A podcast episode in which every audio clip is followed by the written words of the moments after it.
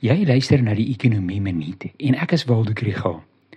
Die Harvard Growth Lab se verslag Growth Through Inclusion in South Africa is gister wyd in die media bespreek en ek wil graag my 2 sent mening gee in hierdie gesprek.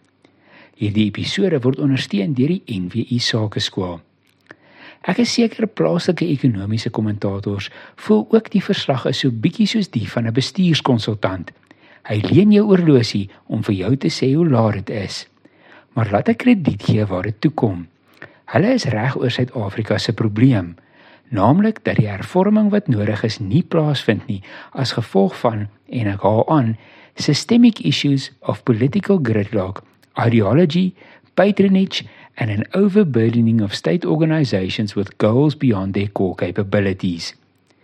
Die beleidsvoorstelle is nie ook net die gewone inkrementele veranderinge gemeng met 'n skoot hoop wat hierdie tipiese dokumente aanbied nie.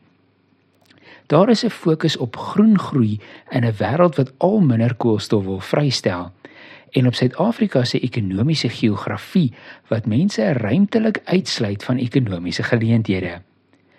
My kort reaksie op dit alles is dat hierdie 'n goeie plan is vir 'n ander regering Die probleme van ideologie en bevoordeling is eie aan die ANC. So volgende regering kan goed doen deur mooi op te let na wat die verslag bedoel met inclusive growth. Die ANC wil inklusiewe groei kry deur beleide soos BEE teikens, sektormeesterplanne, openbare voordeelvereistes, plaaslike inhoudvoorskrifte en kollektiewe bedinging.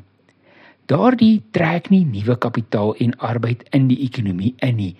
Dit verdeel net dit wat ons reeds het so bietjie anders. Dit lei verseker nie tot nog ekonomiese groei nie. Ware inklusiwiteit gooi die deure oop vir mense en hulle besighede.